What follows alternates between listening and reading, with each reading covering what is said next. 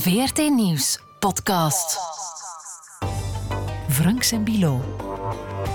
Met Rudy Franks en Vincent Bilo. Welkom op onze tweewekelijkse afspraak met de geschiedenis. Daarmee bedoel ik uiteraard dat we in deze podcast op zoek gaan naar die internationale en geopolitieke verschuivingen die mogelijk medegeschiedenis zullen bepalen. Ik weet het, dat klinkt ambitieus en misschien zelfs een tikje verwaand, maar ik durf het mij alleen maar permitteren omdat ik me in deze podcast geflankeerd weet door de grootste conflictjournalist van West-Europa en blendende percelen, Rudy Franks. Ja, ik, ik zou mezelf liever omschrijven als de kanarie in de koolmijn. Ja. Of de, de kolibrie in de koolmijn, zoals ik het onlangs iemand op de tv hoorde zeggen. Ja, ja oké. Dus ja, het probleem signaleren nog voor het er is. Maar ik ben blij dat je 2022 gehaald hebt, Rudy. Ja, ik ook. Ik ook ja. Ondanks een coronabesmettingsje, maar bon. Hè. We gaan het in deze podcast hebben over Turkije en uh, hoe lang Erdogan daar nog de scepter gaat zwaaien. Maar eerst nog even terugkomen op onze podcast over Afghanistan van vorige maand, beste Rudy. Want daarin hadden we het onder meer over de, de lonen die daar sinds de comeback van de Taliban uh, niet meer zijn uitbetaald en hoe ziekenhuizen desondanks blijven draaien. Dat, dat heb je daar met eigen ogen vastgesteld. Um, Geel van Hoever van het Rode Kruis heeft uh, die aflevering ook beluisterd, heeft ze laten weten op een zonnig terras in Kandahar nog wel. Ja. Want uh, daar is ze momenteel aan het werk voor het Rode Kruis. En zij liet ons weten dat het mede dankzij het internationale Rode Kruis is dat uh, sommige ziekenhuizen daar blijven draaien. Omdat ze dus al uh, ja, zes maanden en ondertussen al meer zeker de salarissen en zoveel mogelijk andere onkosten betalen in die ziekenhuizen. Dat is toch nee, goed nee, om mee te geven? Ja, nee, nee, absoluut. En dat is ook juist. Want we hebben ook gezien in, in Wardak, in andere provincies in het binnenland, dat bijvoorbeeld de, de Norwegian, een of andere Noor, Noorse en Zweedse hulporganisatie ook daar de ziekenhuizen dan betalen. Maar het kan alleen maar draaien dankzij de hulp van buitenaf. En om Geel gerust te stellen, we zullen de volgende keer zeker ook eens bellen met Rode Kruis om, om zeker te weten wat zij doen in een conflictgebied. Voilà, kijk. Want ze verdienen het. Heel erg bedankt om ons te mailen. Dus Geel van Hoever en staan we toe daaraan toe te voegen dat het natuurlijk ook nooit kwaad kan om een vrijwillige gift te doen aan het Rode Kruis. Ze kunnen er bijvoorbeeld in Afghanistan een groot verschil mee maken. En dan nu naar Turkije, Rudy? Zeer zeker. Het land dat precies twintig jaar met harde hand wordt geleid door Recep Tayyip Erdogan. Zo wordt toch gezegd met harde hand. Maar voor hoe lang nog, vragen we ons in deze podcast af. Want de economische malaise die er al lang aansleept in Turkije is ja, toch wel dramatisch aan het uh, escaleren. Wat links en rechts ja, toch tot wat gemor leidt op straat.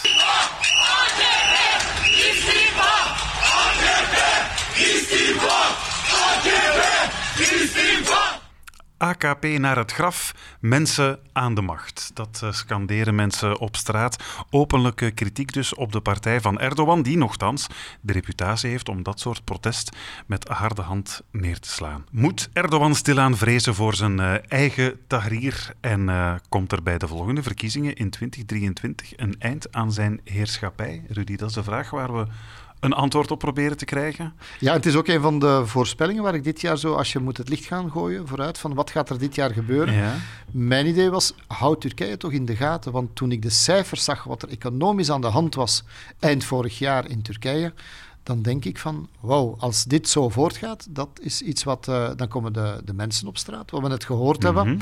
En als je aan de mensen in een boterham zit en het, de uitzichtloosheid van het bestaan, ja, dan dat is een recept voor miserie voor uh, ontploffen. Ja, Turkije goed in het oog houden, zeg je Rudy. Gelukkig kennen we iemand die dat uh, sowieso uh, doet en dat is Said Bataray. Welkom. Hey, dag Vincent, dag Rudy. Hi. Said, jij bent een uh, IT'er uit Limburg, maar desondanks hebben we jou dus toch uitgenodigd. En dat is uh, natuurlijk, beste Said, omdat je een Koerdische Turk bent of een Turkse Koerd. Wat heb je zelf eigenlijk het liefst? Uh, mij maakt het eigenlijk niet uit. Nee, echt niet? dus, nee, echt niet. Ik heb er totaal geen complexen over. Uh, je kunt mij uh, een, een Turks-Koerdische Limburger noemen van mijn. Van waar ben je afkomstig trouwens? Of, jou, of jouw ouders? Of, of... Ja, mijn ouders die zijn, uit, die zijn in Turkije zijn die uit het Midden-Oosten afkomstig, dus uit Elazığ. Elazig, Elazig. Ja. Elazig, help mij, dus, ja, ik ben uh, er al gepasseerd, maar help mij herinneren, waar, waar ligt het juist? In welke buurt? Dus het is echt uh, quasi het centrum, dat is uh, naast Malatya en Kayseri en ah, okay. naast Diyarbakir en Bingöl eigenlijk. Ah, oké. Okay. Dat is echt tussen, tussen het hartland van Erdogan en het hartland van de Koerden in. Tussen Diyarbakir uh, en, en, en, Ja, Diyarbakir, ja, inderdaad. Ik ben ook uh, van Koerdisch oorsprong. En, en het, uh, ja, het is, het, is, het, is, het is eigenlijk zo echt een midden, midden, Midden-Oosten. Dus dat is echt zo het midden van, van Turkije. En ja, dat is juist middenin Turkije. En ik noem dat het Midden-Oosten van, van, van, van Turkije. Ja. Okay. Ondanks die uh, meerlagige identiteit van jou, Said, ben jij ook maar een gewone sterveling, want we, we moeten met jou contact houden via uh, een, een Zoom-gesprek. Want uh, mogen, we dat, mogen we dat verklappen eigenlijk, Said, wat er met jou aan de hand is? Ja, na, na een periode van twee jaar te strijden met niet-besmetting, vrees ik toch dat het deze keer prijs is. ik heb vanmorgen een, een positieve zelftest ge, gekregen um, en ik heb dan dus een PCR-test gaan afleggen. het is nog afwachten op het resultaat, maar zoals jullie weten, een positieve zelftest betekent toch 9 kansen op de 10, toch helaas. Ja, en als ik jou hoor praten over koorts en een beetje keelpijn, ik denk dat je prijs ja, hebt. je hoort het toch ook wel een beetje aan de stem, denk ik. Dat het maar reden, reden te meer dat we extreem appreciëren dat je toch die moeite wil doen. Absoluut. Om te praten. Nee, dat is zeer graag gedaan. Veel mensen bij Said kennen jou natuurlijk ook van Twitter, uh, waar je naast een hoop heerlijke onzin en bullshit ook wel eens een stevige mening uh, formuleert. En je noemt jezelf op Twitter ook een rel-Turk. Uh, mag ik daaruit opmaken dat jij, dat jij kritisch bent voor het regime van Erdogan?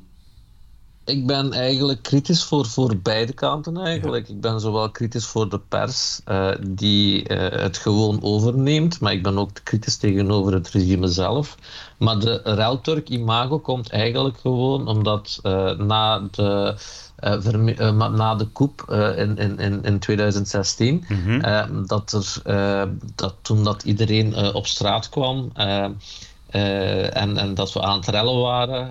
en dat wij kregen dan eigenlijk de bijnaam van dat we alleen maar konden rellen en kebab maken. Ja. Dus dat is een beetje mijn geuzennaam geworden. Dat een ik. Ook op de, ja, ja, dat ik ook Rel en kebab Turk, Said Batterij. Uh, toch heel erg bedankt om uh, met ons een eind uh, weg te willen praten over, over Turkije, waar het op dit moment staat en, en ja, welke weg het opgaat met Erdogan. Laten we misschien beginnen bij die economische situatie, hè, want, want dat is denk ik toch vooral de aanleiding voor dit gesprek, beste Said. Um, aan Inge Franke, Turkije-specialist van VRT Nieuws, hebben we alvast eens gevraagd om ons een beetje bij te praten over de, de belangrijkste economische details die we op dit moment zouden moeten kennen over Turkije. Het land zit in een ongeziene economische crisis. De inflatie bedraagt momenteel 36 procent. Officieel althans, want volgens verschillende onafhankelijke Turkse economen is het leven in Turkije in realiteit nog veel duurder geworden dan dat. Daarnaast is ook de waarde van de Turkse lira sterk gedaald. Ten opzichte van de dollar is de Turkse lira op één jaar tijd 45% minder waard. Het inkomen en het spaargeld van de Turken is dus een pak minder waard. En die dalende waarde ten opzichte van de dollar, dat is een groot probleem voor Turkije omdat het land heel veel producten invoert. Onder andere energie en technologie. En die invoer wordt betaald met, jawel, dollars en is dus veel duurder. Meestal zal de centrale bank van een land de rente verhogen om de inflatie aan te pakken. Maar Turkije, of zeg maar president Erdogan, die wil daar niet van weten. Erdogan is tegen verhoogde rentes. Hij vindt dat haram, zondig. Hij noemt de rente het kwaad van alles. En blijft erbij dat een lage rente beter is voor de bevolking. En er is niemand die hem op andere gedachten kan brengen. Meer zelfs wie hem tegenspreekt, die moet vertrekken. Zo zijn er op twee jaar tijd drie voorzitters van de centrale bank ontslagen. En vorige maand is ook de minister van Financiën vervangen door iemand die exact volgt wat de president wil.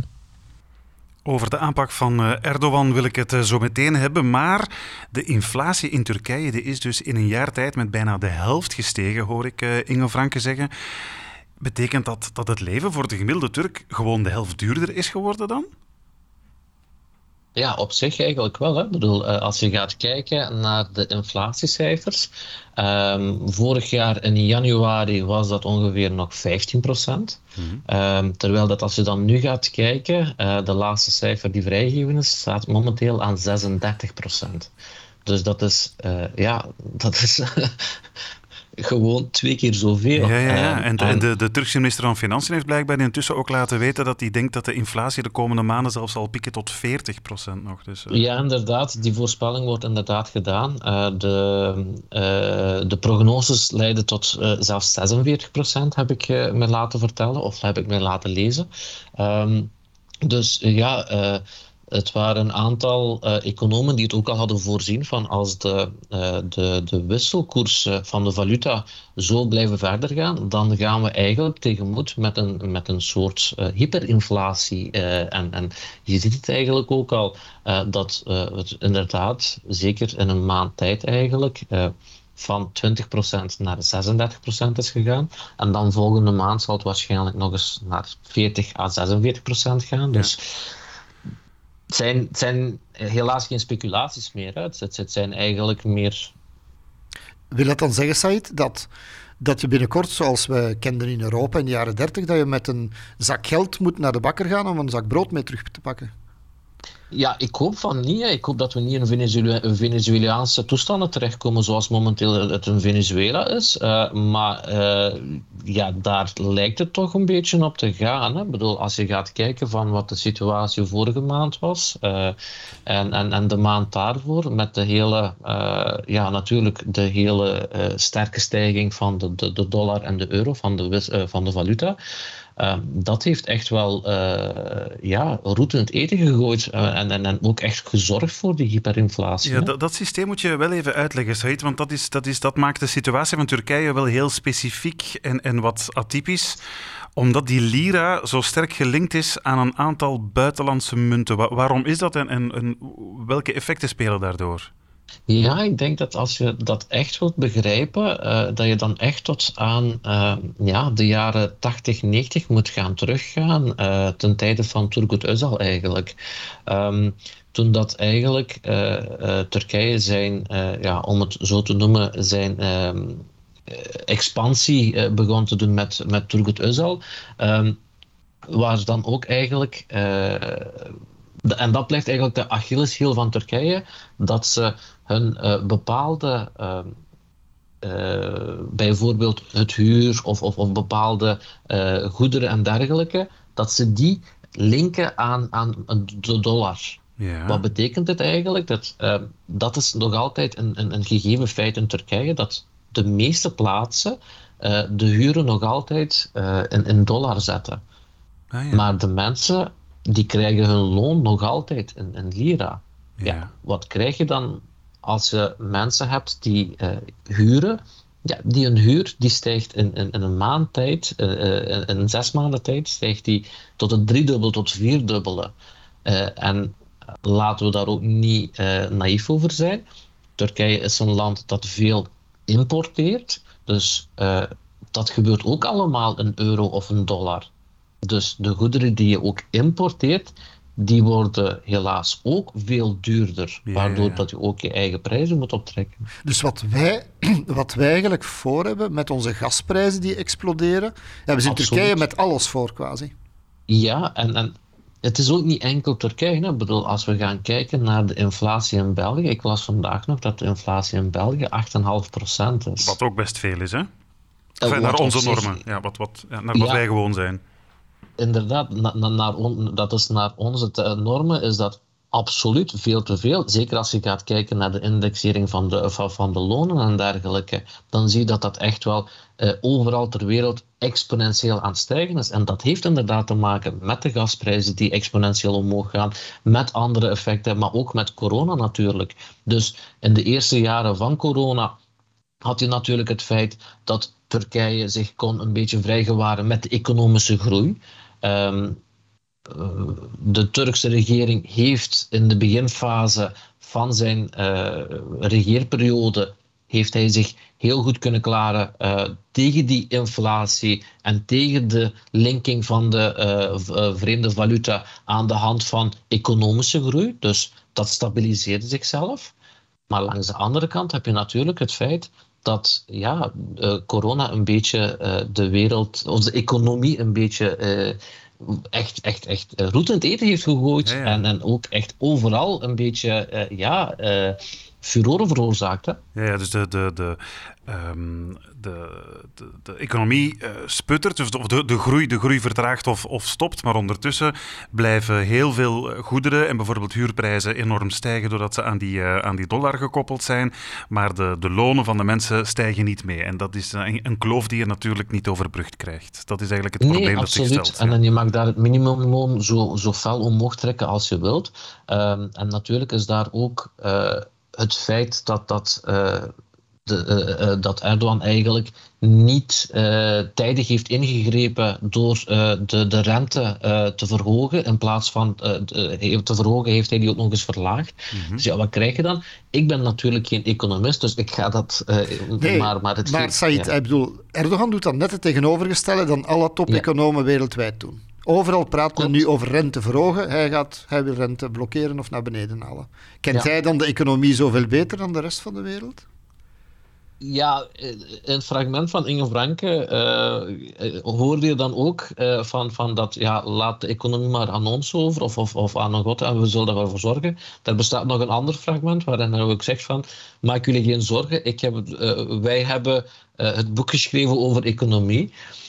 Dus, dus ja, of hij, weet iets, of hij weet het beter, of hij ziet iets wat, wat wij niet zien. En dat kan, uh, maar voorlopig zeker inderdaad ook niet. Maar leiders die iets meer zien dan al de rest van de wereld, dat is toch altijd een beetje gevaarlijk, nee? Dus dat, hè. Uh, en daar komt het uiteindelijk op neer. Hè. Dus, dus uh, je, je, je kan wel zeggen van dat je meer ziet uh, wat wij, de gewone stervelingen, niet zien. En dat is u goed recht. dat zal wel zo zijn. Ik ben geen economist. Ik zou het niet durven, ik zou het niet durven tegenspreken. Dat heeft eigenlijk niks te maken met represailles of dergelijke. Dat is gewoon eigenlijk van... Ik ben echt geen economist. Ik, heb daar, ik, ik ken wel iets van economie, maar ik ga begot niet kunnen zeggen van waarom dat je dan de, de, de rente verlaagt in plaats van te verhogen, terwijl elke, elke top-econoom het zo zegt. Daar zal wel een bepaalde reden achter staan. Ik, ik weet het eerlijk gezegd ook niet. Maar, maar Said, Said ja. ik, ik, heb, ik heb een, een duiveltje op mijn schouder zitten.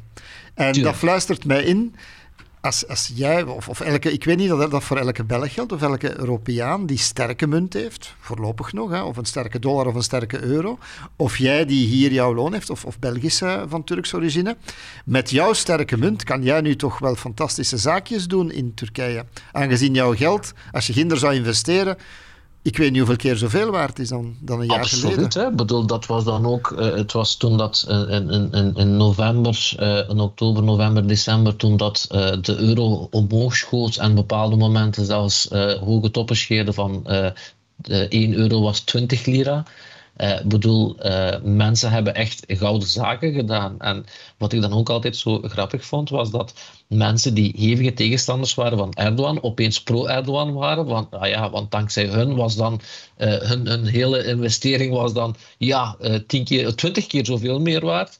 Uh, en dan mensen die pro-Erdogan waren, dat die dan opeens anti werden. omdat hun, hun, investeringen eigenlijk een beetje gekelderd waren. Ken je, ken je, ken je mensen die in jouw omgeving, of ken jij mensen die luxe appartementen aan de Turkse Riviera gekocht hebben daardoor? Um, ik ken. Ik ken geen mensen die, die iets hebben gekocht tijdens de malaise, ik zal het zo zeggen. Ik ken wel mensen die uh, tijdens de malaise, dus tijdens de hoge, uh, toen dat de investeringen, toen dat de valuta hoge toppen scheerde, dat ze toen wel echt wel proberen hebben te verkopen en dergelijke, maar dat ging niet, omdat ja, nee, het gewoon te veel te duur was. Ja. Ja, ja. Uh, en, en, dat ze toen echt wel, uh, ja, voor puur persoonlijk gewin eigenlijk gewoon uh, van kamp zijn gewisseld en zeggen van, oh, nee, tegen Erdogan en anti-Erdogan en, en, dat God hem mag straffen. En dan had je dan juist het tegenovergestelde, mensen die echt wel anti-Erdogan waren, maar dat die gewoon dankzij die stijging van de euro zeggen van, ah, top kerel, kijk, nu kan ik gewoon naar Turkije gaan en kan ik daar zoveel meer spenderen. Maar bon, puur voor de beurstips, moeten wij onze Turkse luisteraars aanraden om, om een appartementje in, in Antalya te kopen? Nu, nu niet meer, hè? Bedoel, het, is, het, is, het is weer gekelderd. Hè? Bedoel, ah, het, is, okay. het, is, het, het, het is weer te laat. Ja, ja te laat. Het is een beetje zoals de cryptocoins. Hè? Bedoel, Ja. het, is, het is heel volatiel uh, geweest op een bepaald moment. Uh, dus, dus je had mensen die meteen op, uh, op, de bus zijn gesprongen of op de trein zijn gesprongen van toen dat naar omhoog ging. Dus dat die eigenlijk uh, ja, geld hebben gewisseld uh, toen dat de euro op 16, 17, 18 stond. Op een bepaald moment is dat op 20 gegaan en toen hebben die gezegd van ah, nog eventjes wachten, dat gaat tot 25 gaat u dat zien. En toen opeens kwamen ze met de, de, de, de maatregelen en is het echt gewoon gekelderd terug naar 10. Hè? En mensen hebben toen ook veel geld verloren. Hmm. Dus, dus, dus ja, uh, ik zeg het toch. Ik, ik, ik, ik snap soms de maatregel van Erdogan ook niet, maar ik, ik, ik, ik, ik snap soms ook de, de, de, de, de, de markt niet. De manier waarop mensen reageren, snap ik ook soms niet. Dus, dus, dus dat maar ja, economie, economie is psychologie voor een stuk. Hè. Dus, dus wat het gevolg van heel die crisis maakt dan nu dat mensen in Turkije Erdogan gaan laten vallen? Oh, ik denk dat, het, dat de economie een, een, een doorslaggevend uh, gegeven gaat zijn. Um, het is niet zo van dat er.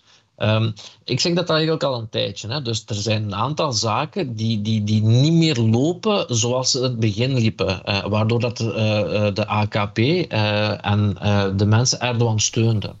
Je bedoelt met het begin, dat is twintig jaar geleden al. Die man is al bijna twintig jaar aan de macht.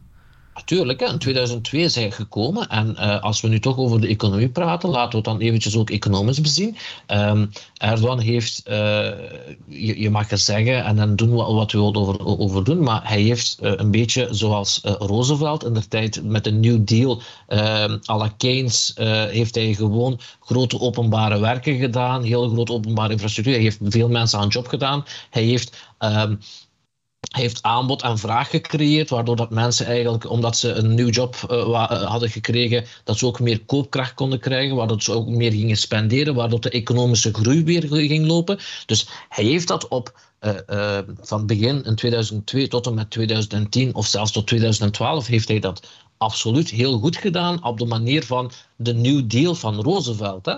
Maar zoals elk systeem heeft ook dat systeem die gebaseerd is natuurlijk op, op, op de theorie van Keynes, is dat ook moe beginnen te worden. Is dat ook, uh, heeft dat zijn nieuwigheid verloren en, en is daar ook natuurlijk de hele vluchtelingencrisis erbij gekomen, waardoor er opeens 4 miljoen vluchtelingen bij zijn gekomen, die natuurlijk ook uh, terecht of onterecht, uh, mee hebben gedragen aan de onvrede van de mensen. Daarnaast heb je dan ook nog eens de hele twee jaar periode van corona, die een heel economische malaise in heel de wereld heeft veroorzaakt, die daar ook nog eens heeft aan bijgedragen.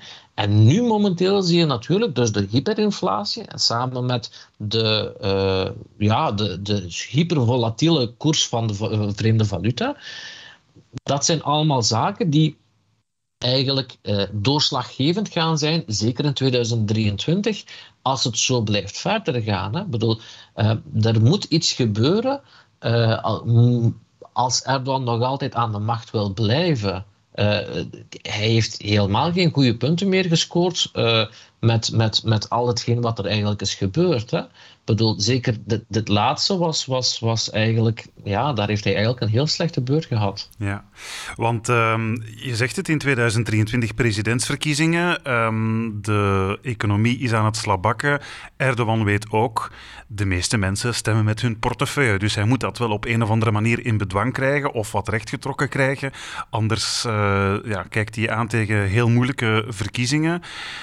Hij blijft zweren bij die lage rentevoet. Anderzijds heeft hij er wel voor gezorgd dat vanaf 2022 nu de minimumlonen met 50% verhoogd worden. Is, is dat iets waarmee hij dan toch veel mensen tevreden gaat stellen of is dat, of is dat een doekje voor het bloeden?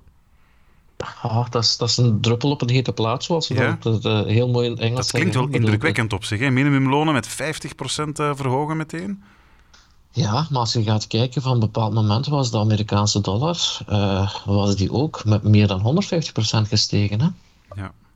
Dus, dus hoe ga je daarmee om? En zoals ik zeg, dus, dus, uh, die vreemde valuta die vormen een soort Achilleshiel in de Turkse economie. Dus, uh, je bedoelt als, met 50% u... meer minimumloon ben je niks als je huur verdrievoudigd is. Ja, ja. Bijvoorbeeld, of stel u voor van, ja, kijk er zijn mensen die ook gaan lenen. Er zijn ook mensen die, die uh, zaken doen met, met, met internationale partners. Er zijn mensen die gaan lenen in dollar of een euro.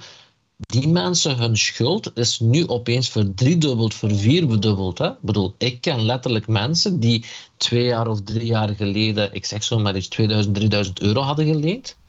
Mm Die moeten nu Ja, eh, toen was dat, ik zeg zomaar iets, 6000 lira, maar nu moeten die 60.000 lira betalen. Ja. Ja. Ik, waar ben je dan met, met, met, met je 50% loonopstijging? Ja. Op dit moment blijft het relatief kalm. Hè. Er zijn wel links en rechts wat protesten, maar nog geen groot massaal protest. Terwijl als er nu één les is die ik altijd heb onthouden van Rudy Franks, dan is het wel als de prijs van het brood gevoelig omhoog gaat of explodeert, dan krijg je altijd een of andere vorm van revolutie. Moeten we, moeten we eh, ja, ons daar toch aan verwachten dat, dat het misschien toch nog tot grotere protesten gaat komen tegen Erdogan en zijn beleid? Rudy is daar natuurlijk heer en meester in. Ik bedoel, dat, dat is, hij heeft dat al vaker gezien. Hij heeft ook heel de Arabische lente meegemaakt. Hij, hij heeft alle revoluties voorspeld, Said. Alle, allemaal. ja, ik heb zelfs een portret van... kilometers op de teller. Maar ik heb een portret van Erdogan gemaakt in de jaren 90, toen dat hij burgemeester van Istanbul werd, dacht ik, als ik me niet vergis. Klopt, hè? Ja. En hij heeft toen zijn macht voor een deel gebaseerd op het feit dat hij de staatsbakkerijen met brood, dat hij dat voor aan goede koop brood gaf aan het volk. Juist. Uh, jij, jij, hebt toen die portret gemaakt. Uh, dat waren de jaren 90. weet je wat de situatie was in de jaren 70 en 80? Mensen stonden toen aan de rij voor gas, voor brood, voor, voor dingen, omdat daar echt een tekort aan was. Dus hij heeft de mensen van alles gegeven. Hij heeft het goedkoop brood gegeven. Al hij heeft het goedkoop brood gegeven, dus, dus hij heeft heel goede lessen getrokken uit de jaren 70 en 80. Nu, wat ik u wil vragen is van... Um, we, denken er natuurlijk zo over na. Um, en ik ben er 100% zeker van, moest de koers van de, uh, van de dollar en de euro nog altijd zo volatiel zijn geweest en nog altijd aan het stijgen zijn geweest, dan, was, ja, dan, dan, dan had ik ook schrik eerder gezegd voor een burgeroorlog. Want zoals Vincent, uh, Vincent het ook zo mooi zegt, van, mensen denken na met hun portefeuille. Dat is een gegeven feit. Um, maar in de jaren 70 of 80 is er ook geen revolutie uitgekomen toen dat er al mensen aan de rij stonden voor brood, voor suiker, voor gas, voor dergelijke. Dus je zegt dat de eh, Turkse bevolking eigenlijk een, laten we zeggen, verantwoord is en, en niet tot zo'n excessen zal, zal komen? Momenteel zie ik het nog niet. Momenteel zie ik nog niet. Uh, moest het zo verder gaan, dus, dus, dus met de hyperinflatie en ook met die hele super volatiele wisselvaluta, dat die nog altijd gaat stijgen, ja, dan kom je aan mensen hun portemonnee en dan, dan, dan heb je het vlaggen. Hè. Dan, dan, dan, dan maakt het niet uit wie je bent, dan, dan, dan, dan is het gewoon, ja, dan, dan heb je, moet je echt schrik krijgen voor, voor een burgeroorlog. Maar langs de andere kant, dit zijn situaties die we ook in het verleden hebben gezien, die eigenlijk niet hebben geleid tot een revolutie. En het is pas tot in 2002, toen dat, uh, de lira ook weer was gekelderd. Uh, dat er heel veel zaken zijn. Uh, dat er heel veel zaken eigenlijk mis zijn gelopen. Dat toen pas eigenlijk Erdogan aan de macht is gekomen. Tot die tijd had u ook alleen maar coalitieregeringen. Dus ik vrees eigenlijk. het is een heel vaak voorkomend uh, zegswijze die zegt van geschiedenis herhaalt zich niet, maar het rijmt vaak. Um, en, en ik denk dat we hier weer in dezelfde loop gaan zitten van oké, er is weer, de inflatie begint weer al fel op te komen. Uh, Erdogan gaat aan macht uh, verliezen. Maar je gaat niet volledig uit toneel verdwijnen. Ik vrees dat we um, eigenlijk weer, of wat ik vrees, uh, ik denk dat we eerder gezegd weer in een soort van coalitieregeringen gaan terechtkomen in Turkije. Dus niet meer één partij uh, die aan de macht is, maar eerder meerdere partijen die terug aan de macht komen eigenlijk. Zoals de situatie was voor 2002 eigenlijk. Ja. Gaat de bevolking hem die economische malaise aanrekenen? Dat is een beetje de vraag in 2023. We hebben ook eens de inschatting van uh, Inge Franke gevraagd. De grote vraag is of deze diepe crisis Erdogan electoraal iets zal kosten. Normaal gezien zijn er verkiezingen in juni 2023. De oppositie dringt aan op vervroegde verkiezingen, maar dat zit er voorlopig niet aan te komen. En de bevolking die mort, maar grotendeels in stilte. Veel mensen vrezen dat als ze op straat komen om te protesteren, dat de president de noodtoestand zal afkondigen en dan doet hij nog meer wat hij wil. Komt er een kentering in 2022 of brokkelt het imperium van Erdogan verder af? Het zijn belangrijke vragen, niet alleen voor Turkije zelf, maar voor de hele regio. Nog uh, twee vraagjes, uh, Said. Uh, een eerste van, uh, van Rudy. Ja, iets al op mijn lippen brandt, want er is ook, we waren dan toch met, met gezegdes of spreuken bezig. Een ja. andere oude Vlaamse spreuk is toch een kat in het nauw maakt rare sprongen. Verwachten we nare sprongen van, of rare sprongen van Erdogan? De noodtoestand afroepen bijvoorbeeld, zoals Inge Franken suggereert. Ja. zou, zou hij dat doen om zo zijn macht ja, nog wat te kunnen uitbreiden? Het, is, het blijft natuurlijk uh, koffiedik kijken, hè? Turkse koffiedik kijken zelfs. uh, uh, en en, en eerlijk gezegd, ik zie momenteel geen um, speling om de noodtoestand eigenlijk af, af, te roepen. Er is ook geen gevolg om dat te doen. Er is ook geen oorzaak om dat te doen. en inderdaad, een, een kat nou kan rare sprongen doen, maar uh, momenteel lijkt de situatie een beetje gestabiliseerd. Uh, in vergelijking met een aantal maanden geleden, uh, waarin dat de situatie veel explosiever stond. Um, hij beseft dat ook. bedoel, heeft hij dat dan nog nodig? Ja, maar bestaat de kans ook niet dat hij zich aan de macht gaat willen vastklampen, Erdogan? Ik weet eerlijk gezegd niet hoe, op welke manier. Um, weer, het kan te maken hebben met het feit van dat, dat we eigenlijk eventueel zeggen van ja, kijk, een kat in het nauw maakt rare sprongen. Hij gaat daar een, een bepaalde uh, een konijn uit zijn, uit, zijn, uit, zijn, uit zijn hoed toveren. Of Misschien een conflictje met Syrië. Een conflictje met Syrië. Een kleine invasie in Noord-Syrië bijvoorbeeld? Ja, iets, iets, iets daarmee doen. Of, of eventueel van, van iets met die vluchtelingen doen en dergelijke. Dus, dus, dus iets... Uh, uh, Misschien gezegd, nog, eens, nog eens een naamsverandering, hè? want dat, dat, dat, daar heeft hij dan ook weer het nieuws mee gehaald. Dat, we het niet meer, of dat ze niet meer in het Engels Turkey mogen zeggen, maar uh, Turkije. Turkije, dus, dus, dus ja, uh, appelleren op, op, op, het, op de Turkse nationale trots, dat kan natuurlijk ook, maar um, voor mij zijn dat geen spelletjes waarmee dat je de verkiezingen mee wint. Dat, dat, dat, zijn, uh, dat zijn gewoon ja, uh, feiten die gewoon voorbij aan gaan. En, en als we heel eerlijk zijn, ik blijf op hetzelfde herhalen. Mensen stemmen met hun portefeuille.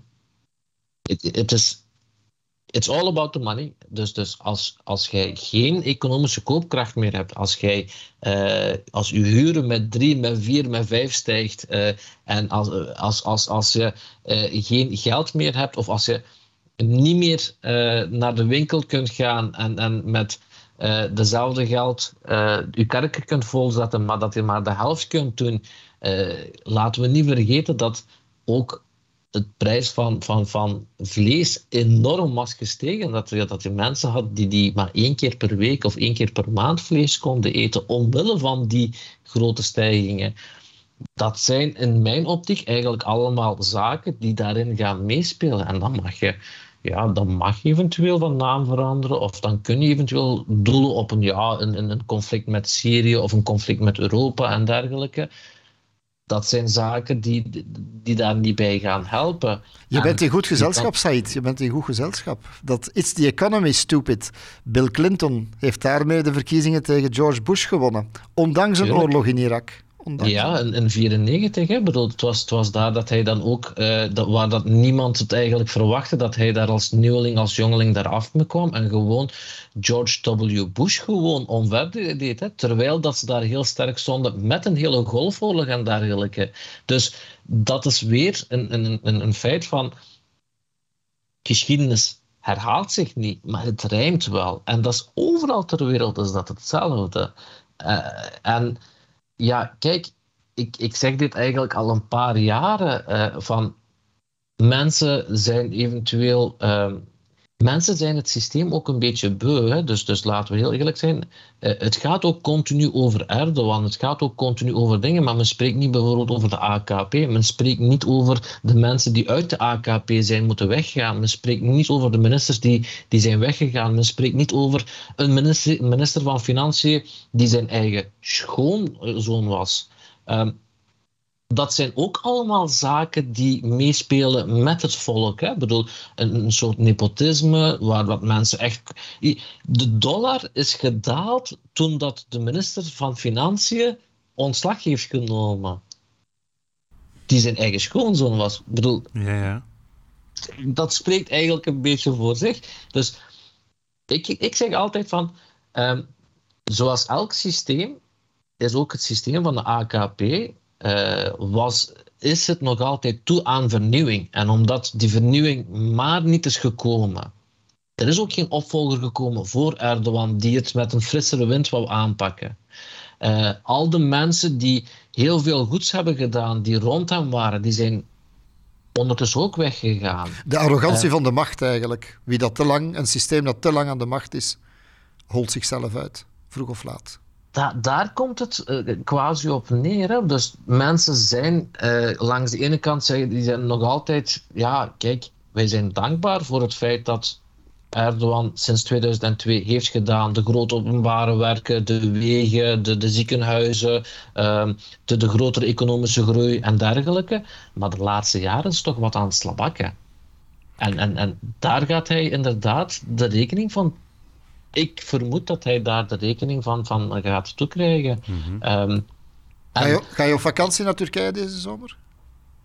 eh, ik wil wel, ik ben er vorige zomer geweest. Ik, ik wil deze zomer ook nog eens wel eens gaan, ja. Om nog wat prijsjes te slaan, zeker. eh, ja. Op de vastgoedmarkt. Bij, bij, mij, bij mij is het meestal van. eh, ik, ik ga meestal naar Turkije voor eetvakanties, omdat ik gewoon eh, naar daar kan gaan en dan gewoon mij geen zorgen moet maken over het halal eten. en ik ga daar dan gewoon eigenlijk puur op eetvakantie. Dus dat is een week, eh, één week of, of twee weken maximum, dat ik dan daarheen ga en dan gewoon eh, als een kameel met mijn voeding insla.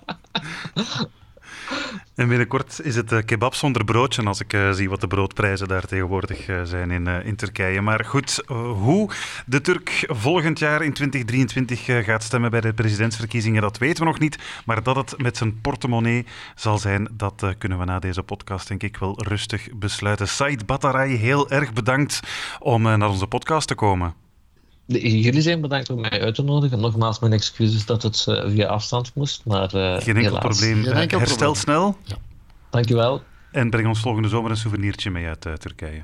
Eh, absoluut. Ja, ik denk dat Rudy vaker naar Turkije gaat dan ik. Dus, dus... Tur- Turks fruit, hè? ja, Turks fruit. Oké. Ja, voor we daarover beginnen ga ik afronden. Dankjewel, Said. Dankjewel. Nogmaals bedankt, heren. Franks en Bilo. We hebben nog altijd een Facebookgroep. Ga daar vooral eens een kijkje nemen. Franks en Bilo, zo heet die. Je vindt die, uiteraard, waar anders, op Facebook. Je kunt er je mening geven over eh, deze podcast, meepraten over de actualiteit. En vooral zelf onderwerpen aandragen. Dat, dat, dat, dat mag altijd. Wie weet pikken we er wel eentje uit om in onze, een van onze volgende podcasts eh, te, te behandelen. Hè. En eh, ja, af en toe eens een kijktip of een leestip krijg je daar ook al eens van ons. Ja, of misschien iets over het favoriete gerecht. Hè? Van, van Rudy, dat is waar. Ja, ja. Rijs Oh, had ja, jij daar onlangs Rijs, gepost, dacht ik. Of hè? ik ben net naar Libanon gegaan. Fantastisch, hè? Fantastisch, hè? Wat een keuken. Maar bon, zwart, dat is iets anders. Waar eh, moeten we het eh, nog over hebben? Eh, een Oh. review, die kan je altijd geven in je podcast-app, want dat helpt bijvoorbeeld al jouw teerbeminde vrienden om onze podcast ook te ontdekken. Hè? En als je nog vragen, opmerkingen of verbeteringen hebt, uiteraard via ja, vb.vrt.be. Stuur ons een mailtje. En alle andere klachten die mogen rechtstreeks in de DM's van Said Bataray. Dan eh, rest ons alleen nog om onze gast te bedanken. Eh Said natuurlijk, maar ook wie nog eh, allemaal, Rudy? Ja, Inge Franke, fijne collega, die ons een spoedcursus Turkse economie gegeven heeft. Ja, research was in handen van Lupna Kalkali, Nisrin Tawil en Nico van der Bos. Social, Goran Verluiten, uiteraard. Eindredactie naar goede gewoonte in de handen van Vincent Merks. En de presentatie, dat waren wij. Meneer Rudy Bilo. Franks, Ja, en Vincent Bilo. bedankt om te luisteren en tot over twee weken alweer. Hè? Ja, met een nieuwe. Ciao. Dit was een podcast van VRT Nieuws. Je vindt er meer op de podcastpagina van vrtnieuws.be of via de podcast-app op je smartphone.